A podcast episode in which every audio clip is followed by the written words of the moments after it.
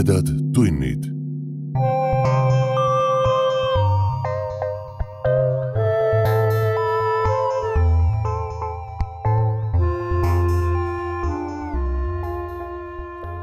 tere, hea ulmesõber. sa hakkad kuulama õudus- ja ulmejutu vestmis podcasti Tumedad tunnid neljakümne viiendat osa. mina olen saatejuht Priit Öövel. täna on meie sünnipäev. tumedad tunnid podcast saab viieaastaseks. Kui ka tänase osa ära kuulate, siis on teie kõrvu jõudnud seitsekümmend seitse juttu kolmekümne viielt erinevalt autorilt. kokku üle kuuekümne kuue tunni kuulamismaterjali kui olete veel ka meie toetaja, siis lisanduvad sellele veel kakskümmend kolm juttu, viisteist autorit ja kaksteist tundi. sünnipäeva puhul tuleb tänases osas ettelugemisele lugu autorilt, keda varem tumedates tundides kuuldud pole. Manfred Kalmsten on saanud viimase nelja aasta jooksul kolm korda oma lühijuttude eest Eesti ulmeauhinna Stalkeri. meie tänane jutt on ühtlasi esimene osa tema verivärskest raamatust Kaarna laul.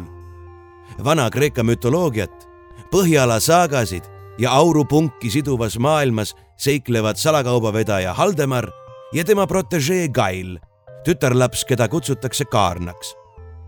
see kirjastuse Fantaasia poolt sarjas Orfeuse raamatukogu välja antud raamat läheb ka kõigi nende vahel väljaloosimisele, kes käesolevat osa Facebookis jagavad kindlasti andke sellest märku ka kommentaariumis ja loosimine toimub täpselt nädala pärast, seitsmendal detsembril.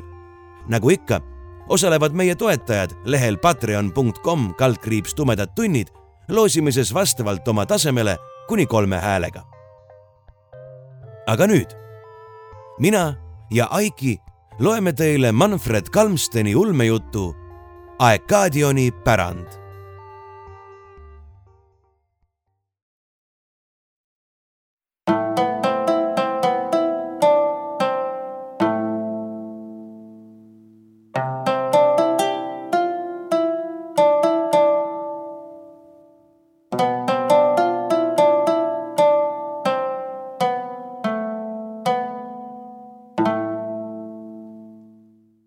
talv toob taas rahu, kevad lootuse. suves on helgus, kuid sügises peitub kättemaks. Orachilliam, Aegadioni teise ajastu poeet. lükanud noa tagasi tuppe, surus Kaaren käed sügiskülmuses auravasse sisikonda. saateks vaiksed hääbuvad oiged, libisesid ta mattmustaks lakitud küüned roiete alla ja juba sirutusid tema sõrmed mehe viimaseid hetki tuksuva südame järele. Kaarna nägu läbis muie, kui ta oma näpud libeda ja nüüd juba vaid hädiselt tuksatava südame ümber surus. korraks silmad kinni pigistas ja siis eluorgani ühe ropsuga välja rebis. surmakramp. Kaaren tõusis ja tõstis verest niriseva südame oma näo ette sellest lärtsatas verd ning kui ta seda pigistades seal sees midagi tahket tundis, vallandus ta suust rahulolev hüüatus. ta võttis uuesti noa ja lükkas selle teraviku õrnalt otse välja rebitud südamesse. kiire lõige ja juba pudenes midagi verist tema jalge ette. Kaaren viskas kasutuks muutunud südame käest, kükitas maha ja võttis maast verekattes kivikese korraks pistis ta selle suhu, lutsutas ja sülitas siis peopesale. viimast sügispäikese valgust kiiskav roheline ese lebas tema peopesal. ta naeratas, võttis siis kivikese pöidla ja nimetissõrme vahele ning paremat silma kinni pigistades vaatas läbi selle, justkui põgenedes silmapiiri taha vajuvasse sügispäikesesse.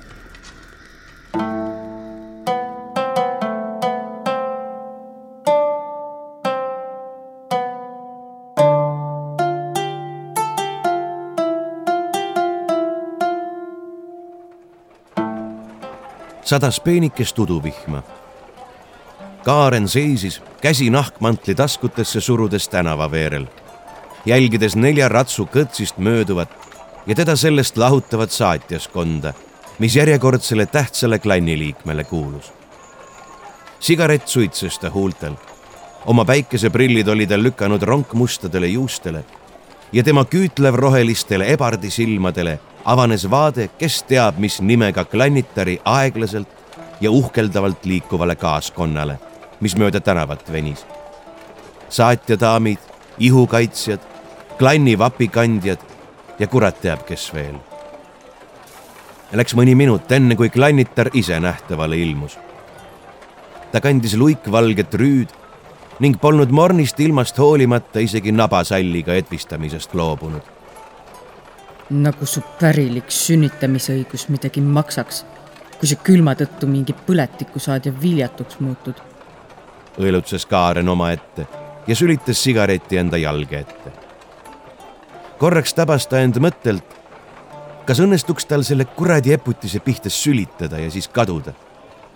võimalik, aga sel polnuks mõtet, leidis ta pealegi polnud ihukaitsjad enam need, kes Kaarna nooruse ajal ta veel mäletas, kuidas noore tüdrukuna neid alatasa purjus ja haisvaid tüüpe põlanud oli. kuid praegused olid teistsugused. Kodinras ja Co oli kompanii, mis neid laieneva Hatterseira pea lakkamatute vallutussõdade käigus kodumaalt ära veetud noori poisse ja tüdrukuid välja õpetas ning siis klannidele või rahajõmmidele rentis.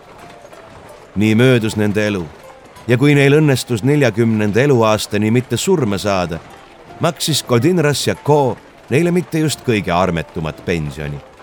mõnes mõttes võiks ma nende peale kade olla, mõtles Kaaren ja surus vihaselt nahast säärsaapa kontsa armetult suitsevale konile oma jalge ees.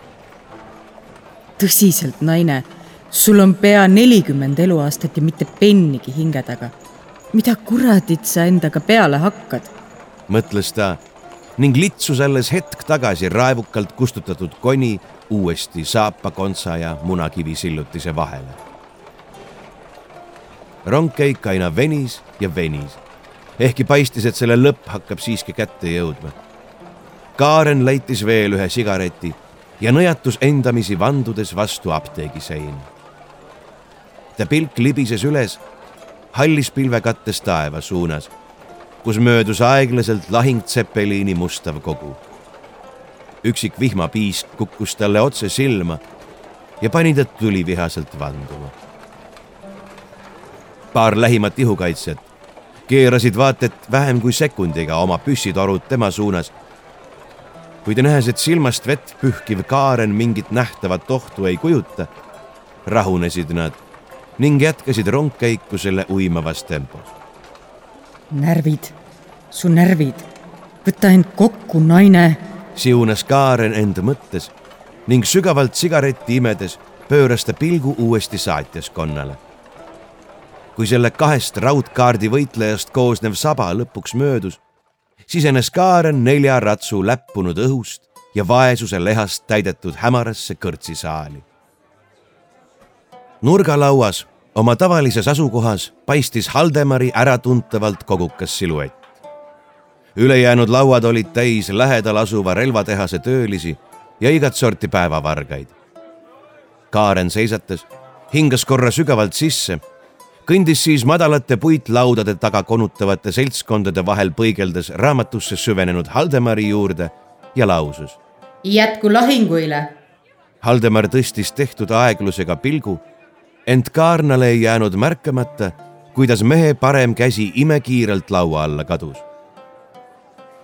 vanaks hakkad jääma, surnud mees, torkas Kaaren ja pilgutas heatujuliselt silma. ta asetas mõlemad käed rahumärgiks lauale ja jäi Haldemari reaktsiooni ootama. ka Haldemar asetas käed lauale ja naeratas. Ebardi naeratus on alati halb märk, öeldakse lausus Kaaren. Kiila, sa kutsud end ikka veel nii nagu. alustas Haldemar, ent jäi siis vait. tema pilk libises korraks lauaplaadile ja oli näha, et ta meeleolu oli sekundiga allapoole vajunud. nii nagu meid kutsutakse, irvitas Kaaren ja jätkas. usu mind, sa ju tead, et ükskõik kui palju sa seda säravat manti kokku ei kraabiks ei suudaks sellest ära kustutada seda rohelist sädelust su südames. aga praegu telli mulle õlut ja midagi söödavat. lage, küsis Haldemar ning viipas turjakale ettekandjale, kes ilmselt Haldemari ihnusega tuttav oli ja seetõttu silmnähtava tujutusega nende laua poole suundus. ei, kas sa siis ei tea, et daamidele tulebki välja teha? salvas Kaaren, kuid lisas. Lage jah, kulutasin viimase veeringu, et Köelaanist siia saada. minu rüppe tagasi, küsis Haldemar ja tema suu venis varjamatust heameelest vaat et kõrvuni. jah, vastas Kaaren ja hammustas mõttes huulde. kui väga ta seda vana paksmagu praegu ka vihkas. aga mis teha, siin ta oli, kerjusena. Ja ei saa öelda, et tema edasine käekäik nüüd Haldemari halastusest oleks sõltunud. ent kaugel see sellestki oli Haldemar andis ettekandjale korraldused ja lausus, kui too lahkunud oli. Pole viga.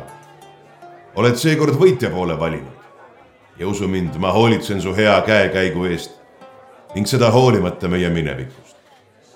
kindel, et Hatterseira tuleb ka selles sõjas võitjaks. Kui siinsete klannide omavaheline purelemine just kodusõjani ei vii, siis jaa. oleks hea, mul on kaotustest kõrini. pealegi, isegi kui ei tule, siis mina maksan ju sulle ikkagi. lausus Haldemar ja vaid kaval helk tema silmis andis märku sellest, kui hea meel on tal kaarna naasmise üle. jah, sellepärast ma siin olengi. vaata, Gila, ma saan sust aru. tänapäeval pole enam võitja ennustamine lihtne. mulle, kes ma kaks sõda järjest olen peksasaajate eest väljas olnud, ei ole sul ometi vaja seda nina alla hõõruda tõtt-öelda olen ma su viimaste aastate tegevusega kursis olnud. ma tean, vastas Kaaren. seda ta teadis tõesti. Haldemar oli igal võimalusel mõista andnud, et on tema saatusest huvitatud. Alguses oli see Kaarnat isegi natuke lõbustanud. ent mida enam viltu tema käekäik vedas, seda häiritumana oli ta end sellest tähelepanust tundnud nagu oleks Haldemar nende lahkuminekust saadik teadnud ja irvitades oodanud, et Kaaren ükskord tagasi tuleb, kerjusena. ja nüüd, pärast kahte aastat ja kolme suuremat või väiksemat sõda, oligi ta siin, kerjusena. Ja ma muretsesin su pärast, eriti siis, kui sa Normandii lahingus kadunuks jäid. ka mina muretsesin, ainult et mitte sinu pärast. üritas Kaaren salvata aga sai aru, et kuigi terav see repliik ei olnud. ebamugavustunne ja viha temas aina kasvasid. see Haldemari varjatud, ent tuttav võimukus, mis justkui lainetena üle laua temani voogas ja aina enam ja enam teda enda alla mattis. See oli ängistav, kägistav. Kaaren vandus mõttes. ole rahulik, söö, lausus Haldemar ja osutus lähenevale ettekandjale. Kaaren suunaski kogu energia tundmatu loomalihast koosnevale praele ja auravatele kartulitele, niipea kui ettekandja need lauale oli asetanud. ta oli näljane. kaheksa päeva oli ta pidanud rongis varjuna ringi hiilima ja magajate tagant palukesi varastama. ja nüüd ta sõi, häbenemata. ta teadis, et kogu Haldemari sisemus juubeldab ent enam ei lasknud ta end sellest häirida. väga. mul on põlad, lausus ta lõpuks, kui oli enamiku Wagner leiduvast sisse kühveldanud ja sellega esmase nälja kustutanud. no leiame abi, Kiila, ära muretse. Kas ma pean paluma? seda ära küll oota. nähvas Kaaren ja tundis, kuidas näljatunde vaibumisest leevendunud viha uuesti lõkkele lööb. ei, ei oota. ma ju tunnen sind. lausus Haldemar ja pahvatas naerma. Kaaren vaikis.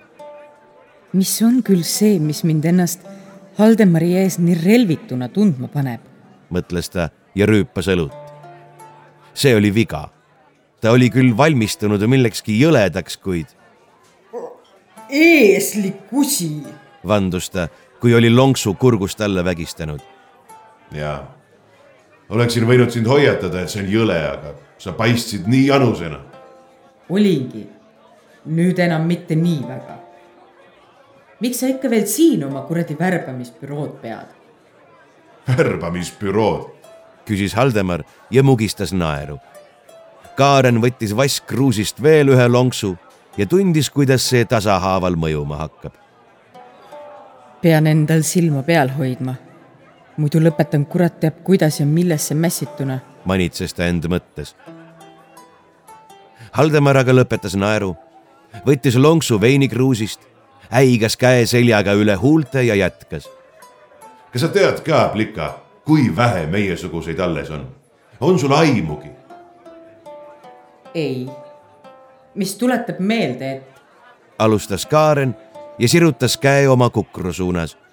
ent Haldemar vatras ennast unustanud vanuri kombel edasi. sa ei mäleta enam aega, mil meid oli palju.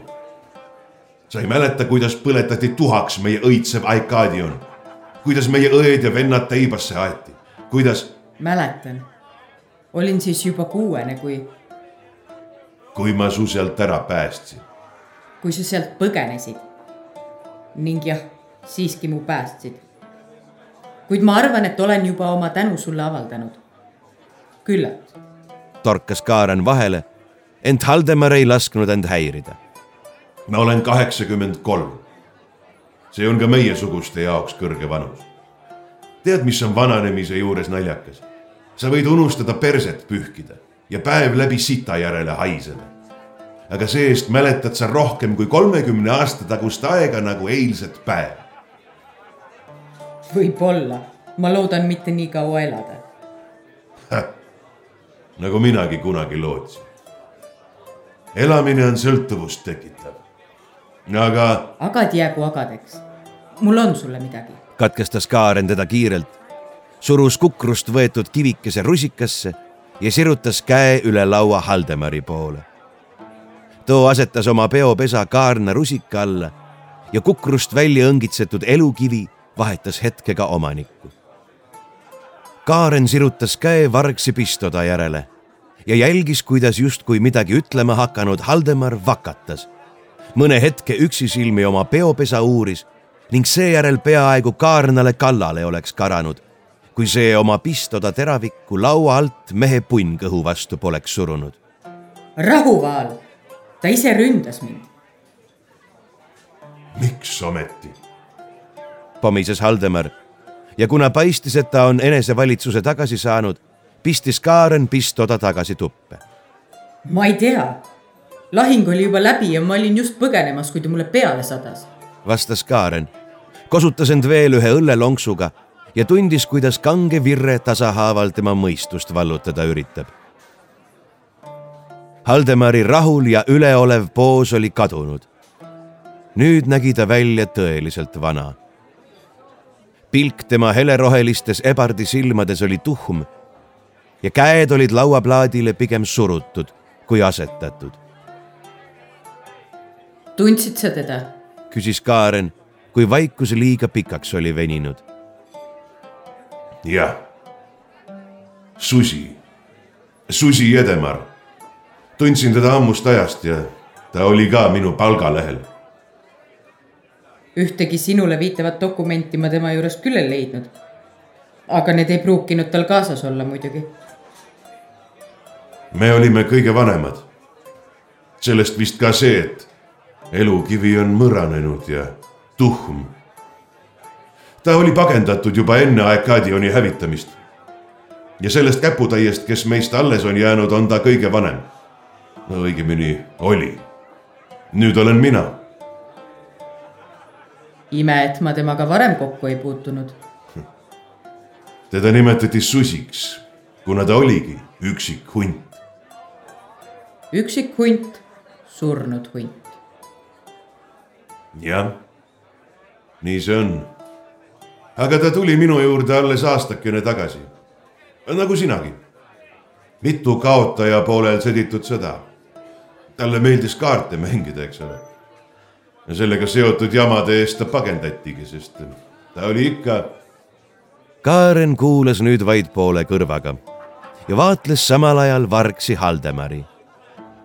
see, mida ta nägi, ei meeldinud talle. Haldemar oleks pidanud juba toibunud olema. Seda aga ei paistnud.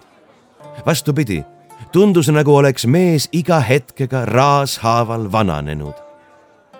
aina enam tõmbus ta kössi ja aina tuhmimaks muutus tema silmis pilk, mis aeg-ajalt Kaarna omaga ristus justkui oleks juba ainult teadmine, et ta on nüüd kõige vanem, teda vastu maad surunud, rõhunud. ja Kaaren taipas, et rohkem kui kunagi varem loodab ta sellele, et tema nii vanaks ei saa. ma ei suudaks. ei, ei, ei, mõtles ta ja tegi õllepärale lõpu. Haldemar oli vist midagi küsinud sest vaatas oma väsinud pilguga talle ootavalt otsa mm?. kus sa peatuda kavatsed? seal, kuhu sa mind paigutad. kui sa pole just hakanud avanssi maksma. Vastas Kaaren mõtlematult ja kahetses seda kohe. siis tuled minu juurde. teatas ennast silmnähtavalt kogunud Haldemar kärmelt ja Kaaren taipas, et mees surub kõigest väest naeratust maha sa nagunii üritad midagi, aga ära mitte loodagi. mõtles Kaaren ning vandus, et oli ise Haldemarile trumpkaardid kätte ladunud. samas, vähemalt on Haldemari juures mugavam ja mõneti turvalisem kui kuskil odavas võõraste majas, kuhu see vana siga mind keeldumise korral paigutaks. leidis ta lõpuks ja märkas, et Haldemar oli vahepeal ettekandja kohale kutsunud ja vaidles sellega parajasti arve suuruse üle et sa ka ei muutu. lausus Kaaren Haldemarile, kui nad juba neljast ratsust väljunud olid. Ma olen piisavalt vana, et igasugu paremaks hakkamise peale sülitada. vastas Haldemar naerma hakates. mingigi kasu peab ju sellest vanusest olema, lisas ta ja viipas mööduvale voorimehele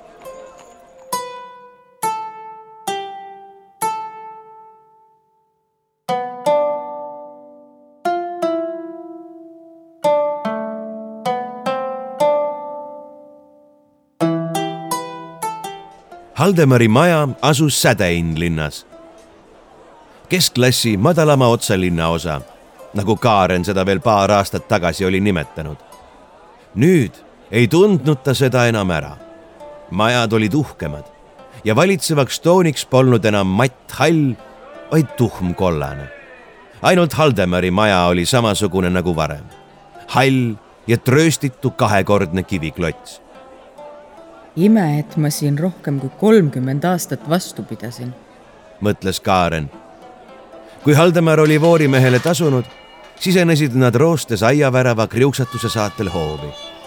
ka uks oli endine ja Kaaren surus maha minevikumälestustest esile kerkinud tahte kätt vööle võtmerõnga järgi sirutada. kodu, me kallis kodu, lausus Haldemar, kui nad pärast lukuga ragistamist sisse astusid ja vaatas muiates Kaarna poole. Kaaren pidas targemaks mitte vastata. ta oli otsustanud kordki elus asjade positiivsele küljele keskenduda. pealegi oli temast ärganud huvi märgata asju, mis muutumata olid püsinud ja neid oli oi kui palju. ka neile vastu liibanud vana Gemet, Haldemari teener, oli samasugune, ainult hallim, veel hallim kui Haldemar Kaaren tõttas talle vastu.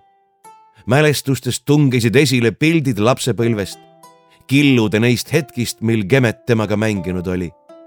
lapsepõlv ja nendest mälestuspiltidest tekitatud õnnetunne, mis Kaarna vallutas, oli niivõrd tugev, et ta üllatunud Gemeti tugevalt oma käte vahele surus. näe, kes koju tagasi jõudis, lausus Haldemar tuntava kadeduskibedusega. aga mis see Kaarna asi oli? Tigetsegu vaal palju tahab. teda ei huvita. ei, vähemalt hetkel mitte. Kiila, kas tõesti sina? nämmutas Gemet ja surus samuti oma käed Kaarna ümber. Kaaren oli lausa tulvil siirast heameelt ja seda üle pika-pika aja. kuid peagi vabastas ta raidkujuna seisva Gemeti oma kallistusest. Haldemar astus nende juurde ning lausus käsi neile õlgadele pannes ja naeratades. ja olemegi taas kõik koos. küll te jõuate veel vestelda ja meenutada. praegu aga. muutus ta toon järsku asjalikuks. Kemet, ehk tood meile suurtuppa veini ja paned seal kamina küdema. vein enne. Kemet noogutas põgusalt ja liipas üllatava nobedusega sinna suunda, kust Kaarna mälestuste järgi veinikeldrisse pääses ise aga läks ta Haldemari ära ootamata suurtuppa ja istus mugavasse tugitooli. korraks valdas teda kiusatus istutada ennast Haldemari kohale, kuid ta sai endast võitu. saa üle, naine. kuna sul tegevusplaani pole, siis pead temaga vähemalt natuke aega läbi saama. mitte teda igal võimalusel ärritama. vähemalt mõnda aega. mõtles ta, võttis taskust portsigari õngitses sealt ühe sigareti ja läitis selle. mis siis veel uudist? küsis ta, kui Haldemar tema vastas istet oli võtnud. suurt midagi. asjad kulgevad. aga nagu ma ütlesin, meid on vähe. paljud on viimastel aastatel hukkunud ja linnaski on hetkel peale meie veel ainult kaks meiesugust, kes on samuti minu palgalehel ja sinu suur uurimistöö? edutu. sa ju tead, et olen kulutanud terve varanduse sellele, et teada saada, miks meie lapsed siin kohe pärast sündi surevad. vabanda, et puudutasin hella kohta, aga jah, nii see on. ta vakatas hetkeks, ent jätkas siis teave, kuidas elukive tehti ja kuidas neid meie südamesse paigaldati läks vist igaveseks koos preesterkonnaga hauda. ehk oleksid pidanud siis minu asemel mõne preestri ära päästma? igal juhul.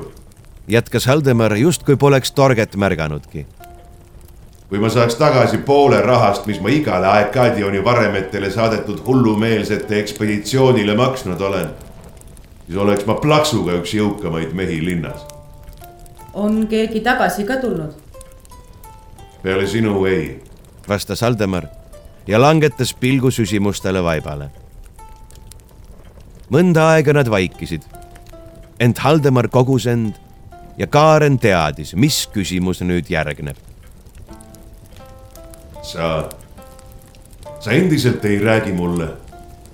jäta. ma olen öelnud, et seal pole midagi. kondid tuhk ja vare. lõikas Kaaren vahele kuid Haldemar oli järelejätmatu. ma ei usu sind, ei saa olla. palun sind, tahad, tahad näha mind põlvitamas ja nutmas? mangus Haldemar ja hetkeks nägi Kaaren tema sisemusse. nägi kibestunud vanameest, kes ei saanud, mida ta tahtis ja kes kartis surma. Pole vaja, lõpeta, lausus Kaaren ning Haldemar vaikis võttis suure sõõmu oma pudelist, mille Kemet vahepeal toonud oli ja vaatas pikalt kaarnale otsa. olgu siis, olgu siis nii, ma enam ei luni. luban. lausus ta lõpuks ja Kaaren luges sealt instinktiivselt välja varjatud ähvarduse.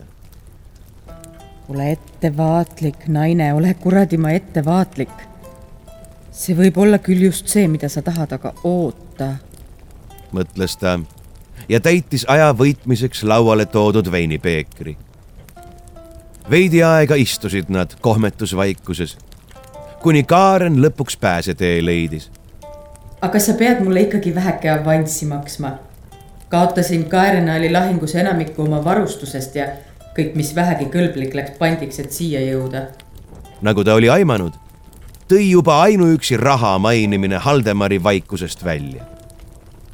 hea, et sa mainisid. lausus Haldemar Kaarna suureks üllatuseks ootamatult vastutulelikult. ma olen ühe väärt kaupmehe võlausaldaja. Alevane, võib-olla mäletad teda? jätkas ta ja vaatas äraootavalt Kaarna poole. Kaaren noogutas.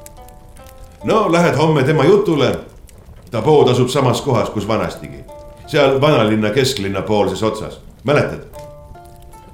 Kaaren ei vaevunud isegi noogutama, vaid kummutas veinipeekri ühe jaksuga tühjaks ja lausus hoopis. olgu, teeme nii, aga ehk paigutad mu nüüd kuskile, kus ma magada saaks. olen väsinud, tõega. ja, paigutan su sinu vanasse magamistuppa. See on seisnud puutumatult, kuna teadsin, et varsti oled sa kodus tagasi. ainult seniks, kuni jalad uuesti alla saan. parandas Kaaren.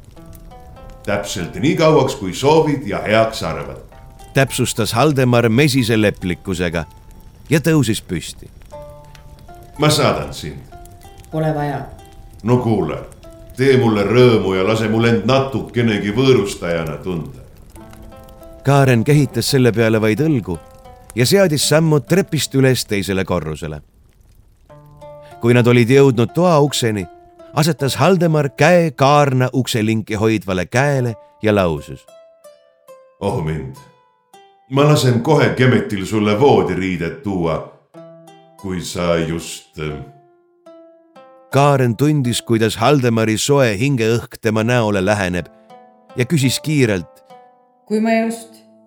Haldemari huuled, mis olid juba kaarna põsele laskumas, taandusid. mõtlesin, et on aega mööda läinud ja ehk oled mulle andestanud selle, mida iganes ma ka tegin. või noh, et me võiks ju puterdas Haldemar ja oli näha, et Kaaren oli suutnud jälle ta enesekindluse korrakski vankuma lüüa. Vaal, see, et me kunagi koos olime, oli kunagi ja jääb kunagisse. selge? jah, lausus Haldemar ja naeratas kiirelt.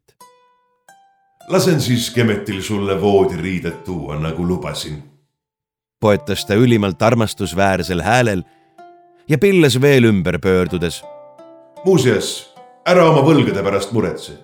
Need on kõik juba minu kindlates kätes ja ma ei kiirusta sind nende maksmisega. Hüva ööd. ööd, vastas Kaaren ja astus tuppa. oodanud, kuni Gemeta voodi üles teeb ja lahkub, viskus ta selili voodile ja vajus mõtteisse nii, nüüd maandusid siis tagumikku pidi ussipesas. kurat, kui su käekäik on viimasel ajal perses olnud, siis. samas, mida tal karta oli. Vaevalt, et Haldemar teda enda katuse all tappa üritab. sest ka Ebardi tapmisele ei vaadatud läbi sõrmede ja nii palju, kui ta Haldemari tundis, kartis see ametivõimudega sekeldamist nagu katku. lisaks leidis ta. ei mõjuks see tema reputatsioonile ja palgasõdurite vahendamise ärile hästi. teiste meiesuguste jaoks oleks tal märk küljes, aga ta raibe, kahtlustab ja üritab mind rääkima panna. üht või teist viisi. keelega üle mürgikivikest varjava hambakrooni libistades vajus ta hetkeks sügavalt mõttesse ja lausus pooli hääli justkui iseennast veenda üritades. miks sa üldse loodad, et ta midagi muud peale külge löömise üritab? kuradile, ta naudib praegust olukorda liigagi palju, et seda kohe muuta. Sa oled tal igatepidi ja kuradit moodi peos. ja see tõbras siiski armastab sind. mida iganes see tema jaoks täpselt tähendab. või üldse, mida see sinu jaoks tähendab ta ei suutnud sellele vastata. ta oli armastanud Haldemari üht või teistmoodi pea terve elu. kuna vähemalt alguses oli mees olnud tema jaoks pikki aastaid kaitsekilp tema ja vaenuliku inimeste maailma vahel. hiljem aga ikka seesama suur ja kõikvõimas Haldemar, tema mees kellega ta oli valmis juba ette teada, et ebaõnnestunult lapse saama. mida nad üldse lootnud olid? et neil õnnestub see, mis mitte kellelgi teisel nende hulgast ei õnnestunud? lollus. Haldemar oli hankinud ametnikega kuldtaalrite keeles rääkides ja seadusi pahupidi pööranud advokaatide toel neile sünnitusõiguse.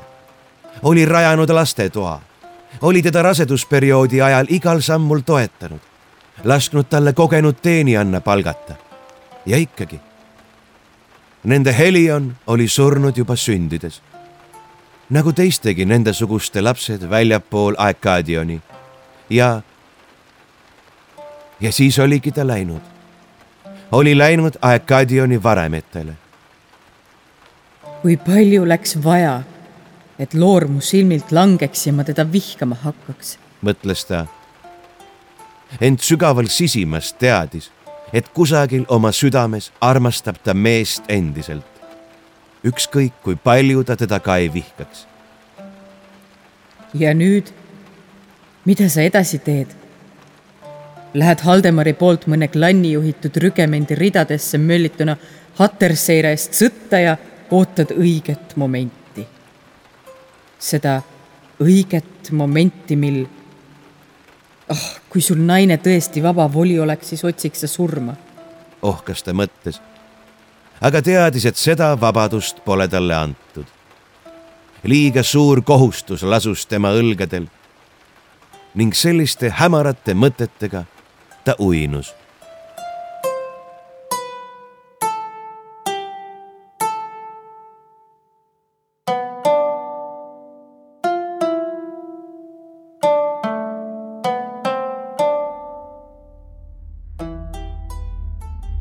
oma unenäos seisis Kaaren jälle Aekadioni varemetel, kus maapinda katsid sajad tuhanded tahmunud kondid sadadelt tuhandetelt langenutelt ja siiani kaitseloitsude kuumusest hõõguvad hiidkõrged müürivared tõusid rööstituna hallikas mustalt tuhapinnalt. kord maailmu valitsenute hinged lähenesid mustade varjudena, ümbritsesid teda, piirasid teda, rõhusid teda ja nad rääkisid temaga. Nemad, ammu langenud, nende sosinad tungisid otse pähe, nõudlikult, ähvardavalt, armutult. Nende sõnumid ja mõtted tormlesid ta peas. hirm, ahastus, jõuetus, aukartus ja jälle hirm. tema ema, tema vennad-õed, lähikondsed, tuttavad, kõik, kõik, kõik. Nende kõikide hinged vaatasid talle otsa. Nende pilgud vajutasid ta halastamatult põlvili Nende nõuded vajusid laviinina üle tema. ja ta nuttis. esimest korda pärast Arkadionist põgenemist. ka siis oli ta Haldemari kukil istudes nutnud, kuid tookord oli see nutt arusaamatusest, mõistmatusest. praegu aga nuttis ta vihast ja jõuetusest ta teadis nüüd, mida tegema peab, et terve Aekadioni eest kätte maksta ja oi, kuidas ta ei tahtnud seda. miks mina? röökis ta vastu neile sadadele tuhandetele. ehkki õigustetu oled sa viimane, kelles voolab piisake Aekadioni maailmade valitsejate verd ja kes meie pärandit väärib. sa oled ainuke, kes omast tahtest Aekadioni ei hüljanud kõlas tuhandekordne häälekaja tema peas. ta kaotas jälle teadvuse ja ärkas. oli endiselt öö ja ta surus end siunates käed rusikasse. ta vandus ja tundis siis, et nägu ja padi on märjad. ta oli nutnud, nutnud unes. sa ei tohi seda endale lubada, naine. sa ei tohi seda. vandus ta pooli hääli, tõusis voodist ja tõmbas lisaks ukse lukustamisele ka riivi ette. seejärel riietus ta lahti ja puges alasti rõskeks tõmbunud tekkide vahele, kaasas ainult pistoda, mille ta igaks juhuks rihmapidi käe külge sidus, käe rusikasse surus ja siis randmeni padja alla libistas. praegu võid veel magada, Kail. praegu võid. lausus ta valjult iseendale naeratas iseenda huulilt oma päris nime kuuldes ning jäi rahuliku ja heatujulisena magama. ent unenägu jäi samaks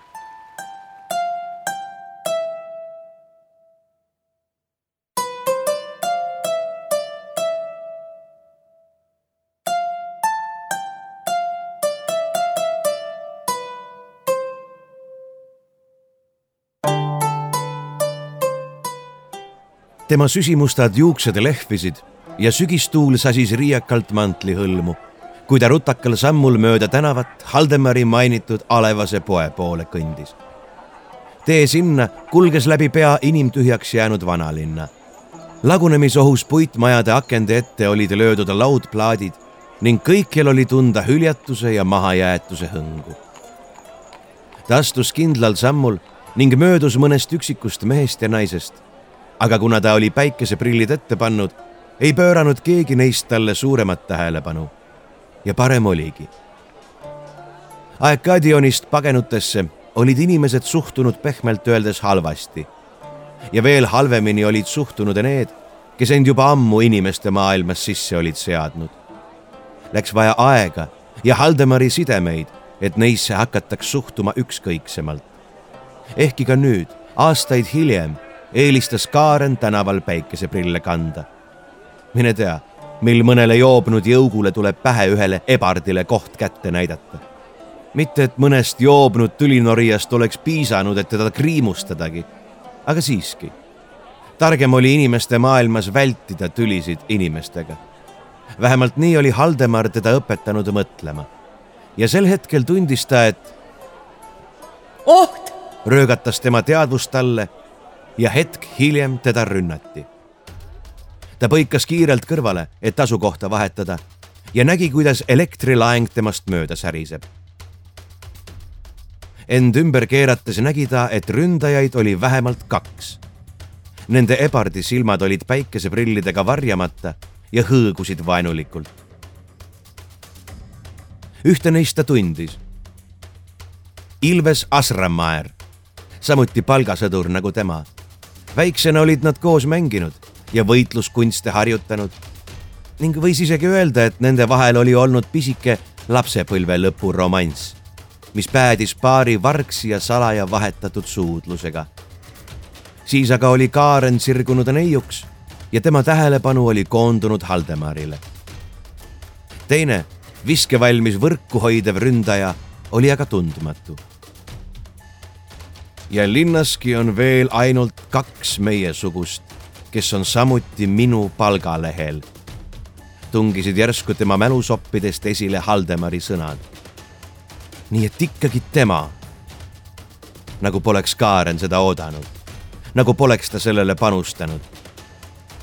ta teadis, et ei suuda ise astuda esimest sammu ja seetõttu oli juba pea kaks aastat oodanud, et mees annaks talle võimaluse, teeks midagi mis lämmataks tänutunde ja armastuse jäägid tema hinges. aga ta oli alati lootnud, et selleni on aega. nüüd aga enam polnud. oli aeg tegutseda. väledalt ründas ta elektripüssil laengut sättivat ebardit. kummardas, tundis, kuidas heidetud võrk üle tema pea vuhises ja virutas jalahoobi otse Ilvesele makku. see annab mulle sekundi paar kalkuleeris ta mõttes kiirelt ja kostitas pöördelt jalahoobiga ka võrgu heitnud tundmatult. taganes paar sammu, nii et jäi pimedusse kaduvasse võlvkäiku ning rabas vöölt noa ja pistoda. vähemalt üritavad nad mind elusalt kätte saada. hea, annab mulle eelise, sest mina neid ellu jätta ei kavatse, mõtles ta. astus tema poole sihitud elektrilaengu eest nõtkelt kõrvale ja tundis, kuidas selja tagant saadud hoop tal põlved nõrgaks lööb. ta ei jõudnud end nähtamatu vastase poole keeratagi, kui teine hoop ta vastu maad virutas. ja viimane asi, mida Kaaren enne kolmandat lööki nägi, olid Haldemari maonahast saapad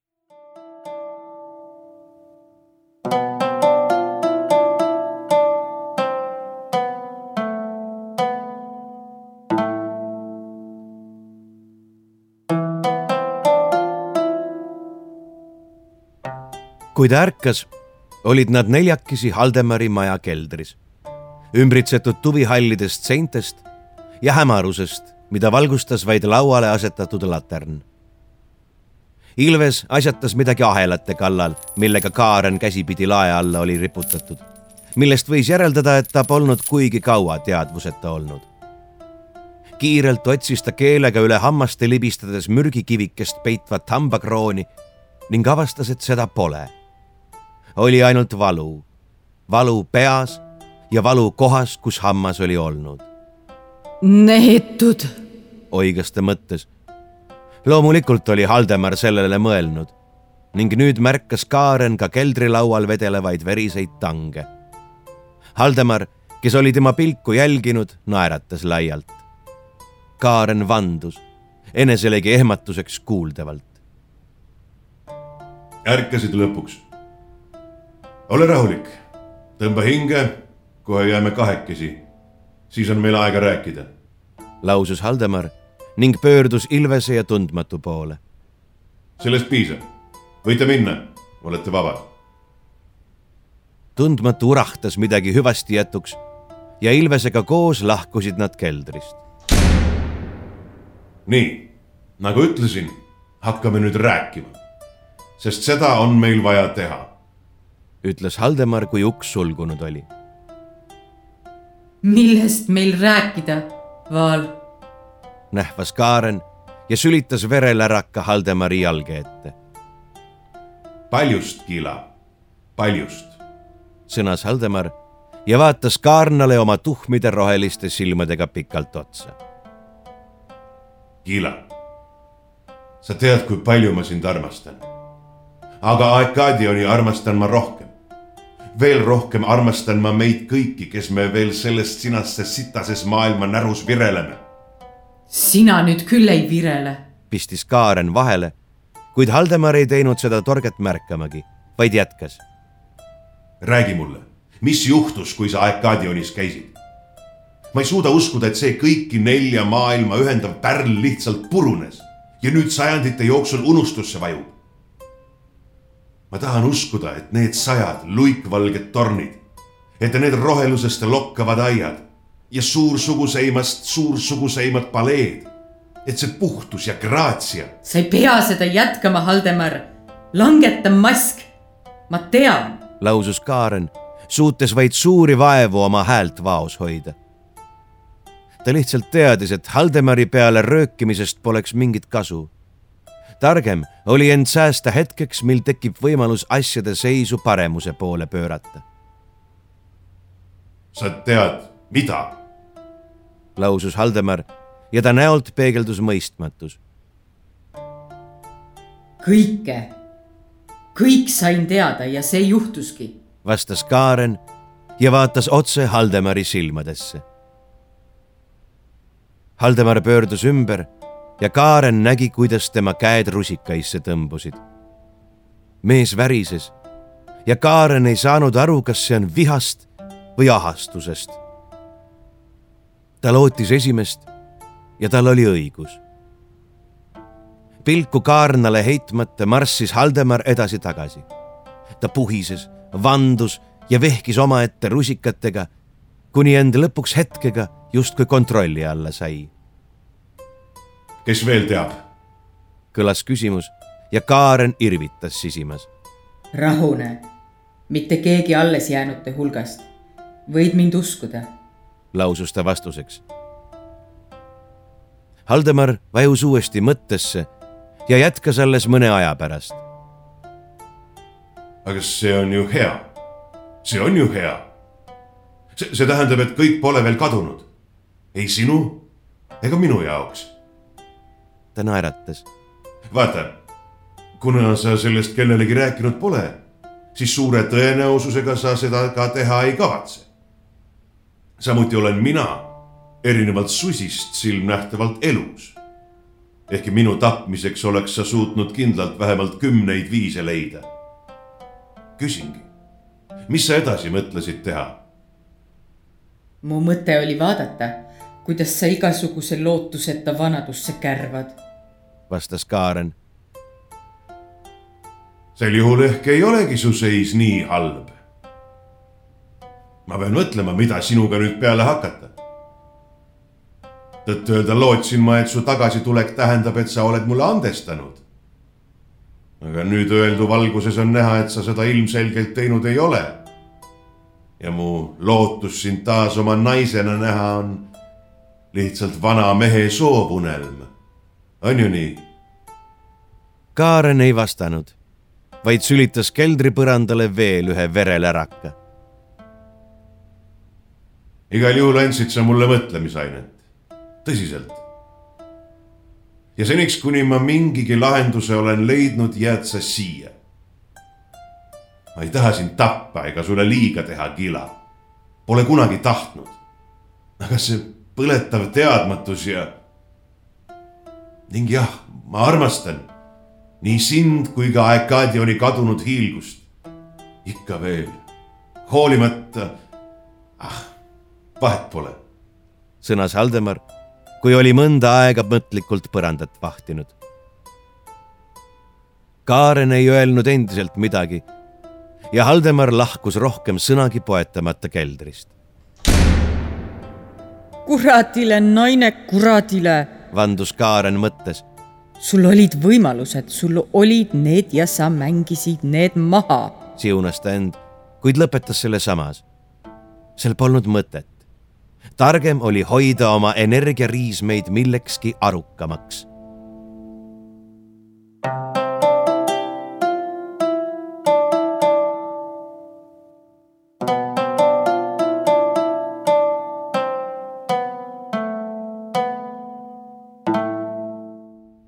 Pärast tunde ahelate küljes vaevlemist vajus Kaaren hägusesse unelaadsesse seisundisse.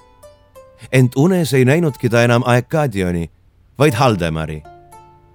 Nad olid nooremad ja Kaaren avastas, et on alasti voodi külge aheldatud. Nad olid sedasorti mänge harrastanud, kuid praegune tundus kuidagi eriline. ta tundis, kuidas Haldemar, vaid mõned hallid karvad habemes, talle lähenes. mehe soe peopesa libises üle tema kõvastunud nibuga rinna, mööda tema kätt üles, raudade poole ja ta ärkas.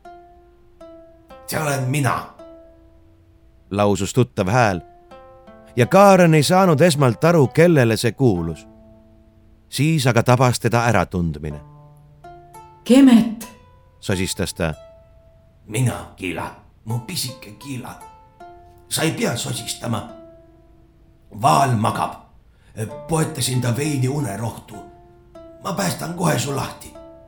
vadistas Kemet ja avas rauad. Kaaren varises maha. kõik ta jäsemed olid surnud või valutasid pikast sundasendist. lauale asetatud laterna valguses märkas ta põrandal vererada. see viis Kemetini. Kemet, sa veritsed. mis juhtus? Vaal pani ka mind raudu, kui tundis, et hakkab uniseks jääma ma ju nägin, kui sind teadvusetuna siia toodi ja sa tead, kui kahtlustav ta on. Õnneks jättis ta mu kööki ja noh, ma lõikasin oma pöidla kõige täiega maha, et raudadest vabaneda. lausus Kemet ja raputas rätikusse mähitud kätt, nii et sellest pudenes verepritsmeid. osa neist lendas kaarnale näkku ja ta pühkis need käeseljaga maha. sa vajad abi, ma kohe Pole vaja, ma jään ellu. aga Vaal ärkab varsti. mine ja aja temaga asjad korda. ma ei tea, mis teie vahel juhtus ja polegi mul tahtmist seda teada. aga ma valisin poole ja siin ma nüüd olen. olgu, aga sina luba, et otsid esmaabitarbed ja tohterdad end, selge?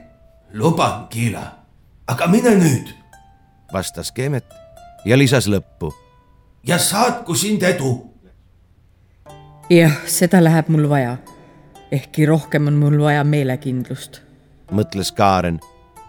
kui ta tundis, et on jäsemed mudimisega taas enam-vähem elule äratanud, tõusis ta püsti ja tegi paar ettevaatlikku sammu. jalad kandsid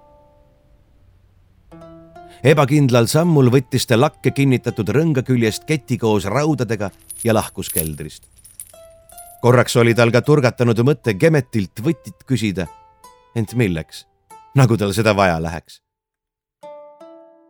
ta hiilis nii kiiresti, kui ta vaevatud keha seda lubas, teisele korrusele ja kuulis juba trepil tuttavat norinat.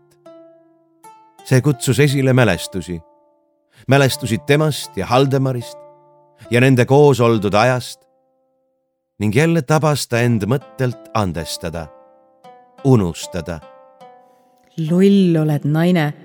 siunas ta end mõttes. ta ei laseks sul kaduda. see ei õnnestuks sul iial. nii et võta end kokku ja tee seda, mida sa tegema pead. jätkas ta. kuid ebameeldivat tunnet rinnus see ei leevendanud. sa tapsid juba susi ja nüüd tapa järgmine, kes on oma surmad tuhandekordselt välja teeninud. lihtsalt tee seda. üritas Kaaren justkui mõtteid peas paika raiuda. tee seda, mine. pomises ta poolkuuldavalt ja pigem instinktide kui mõtete najal liikudes ligines ta Haldemari voodile. ta võttis õrnalt mehe käe ja surus rauad selle ümber. Seejärel vedas ta keti läbi voodipäitsi võre ja lukustas teise otsa Haldemari teise randme ümber. ta seisatas, hingas sügavalt sisse ja märkas, et öökapil vedelev pistoda on üsna Haldemari haarde ulatuses ta võttis selle, surus vöö vahele ja ohkas. veel kord tabas teda mõtete tulv, mis keelitas põgenema, jätma kõik nii, nagu on. Susi oli sinu jaoks ei keegi. su jaht temale oli jaht ei kellelegi. aga Haldemar siiski päästis su. aitas sul kurbuse ja eluga toime tulla. oli alati toetav. sa armastad ju teda jooksid sundmõtted tema peas ja kes teab, mis oleks juhtunud, kui mitte Haldemar poleks urahtades silmi avanud. Kila, sina? Küsis ta. jah, Vaal, mina. vastas Kaaren ja tõmbas vöö vahelt pistoda. ta ootas ja kui paistis, et Haldemar midagi öelda ei kavatse võttis ta öökapil asetsevast suitsudoosist ühe sigareti ja süütas selle. ma olen ikka veel elus, nentis Haldemar, kes end kogunud oli. mida sa must tahad? Et sa räägiks mulle. mida? seda, et miks. Susist ma saan vist aru, ta oli pagendatu ja tahtis kätte maksta, kuid mis oli sinu põhjus? miks te maailmade vahel värava avasite ja nad sisse lasksite? teades, et keegi ei tohi iial relvastatuna Arkadiani maailma väravaid läbida. sina ja Susi, kurat, teie kaks määrasite Arkadiani hukule. nõudis Kaaren ja tundis, kuidas ta endas aina enam selgusele jõuab. ma olin kindel, et nad hävivad, et miski ei suuda Arkadioni võita kas sa tead, et nõukogu oleks ka minu inimeste maailma pagendanud? lihtsalt sellepärast, et ma aitasin teistel väljaheidetutel inimeste maailmas palgasõduritena toime tulla. lausus Haldemar ja tema hääl murdus, kui ta jätkas.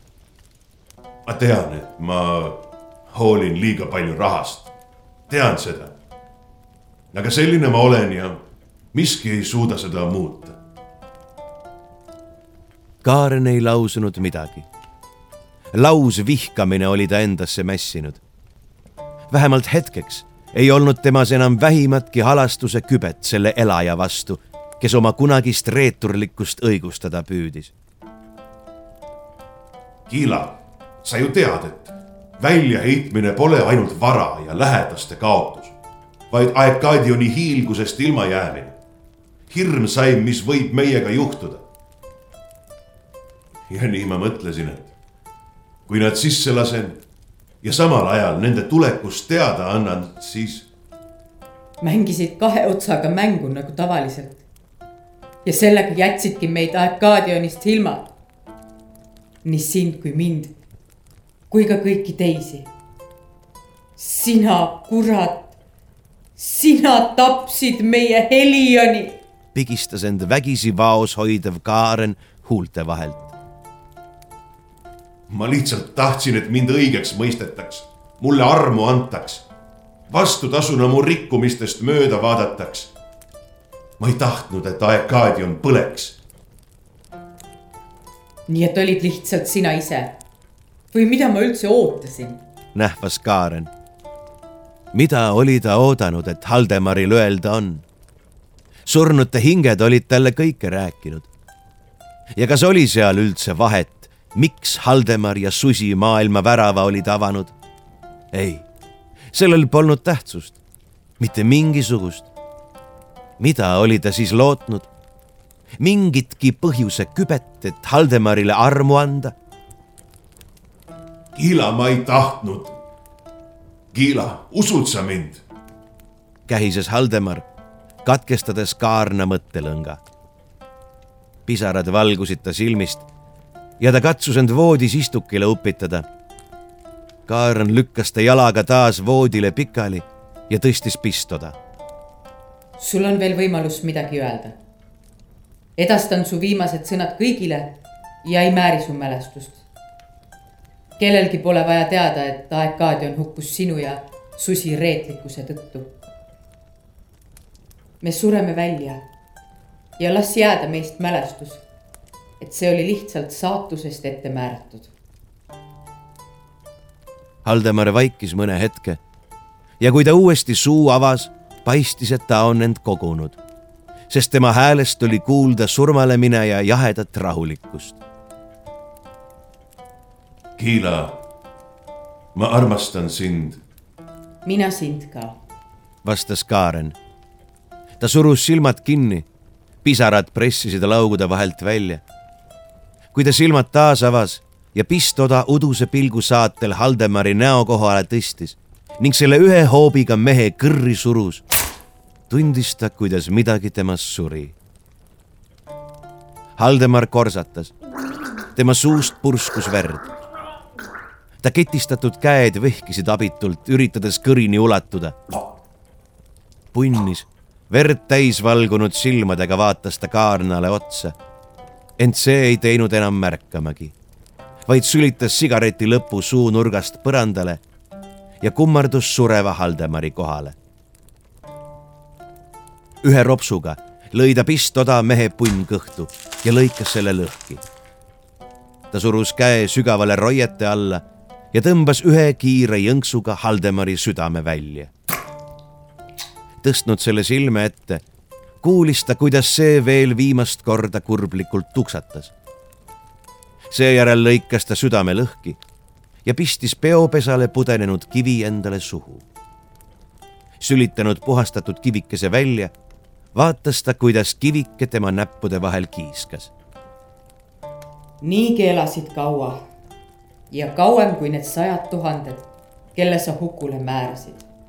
lausus Kaaren juba surnud Haldemari poole pöördudes. ka mina kavatsen kaua elada. ainult et mitte vana ja kasutuna.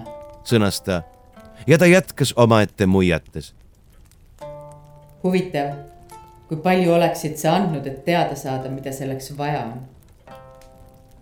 ta lasi pistodal põrandale pudeneda ja astus akna juurde. avanud selle, pigistas ta parema silma kinni tõstis kivikese vasaku ette ja vaatas tasa tõusvasse sügishommiku päikesesse ning tundis, kuidas kivisse jäänud energia ühtäkki temasse tungib. tema silmast läbi ta ihu südameni teed rajab. Ta vajus rappudes põlvili ja jäi sinna, kuni see lõppes. uuest eluenergia annusest kurnatuna tõusis ta vaevaliselt püsti ja istus voodiservale kivikese oli ta pillanud maha. nukralt vedeles see vaibal, tuhm ja mõranenud. Kaaren silitas Haldemari jahtuvat keha ja lausus. mispärast sa mulle ei öelnud? Miks ometi? seejärel tõusis ta püsti, purustas kivikese saapakontsaga kildudeks ja lahkus toast.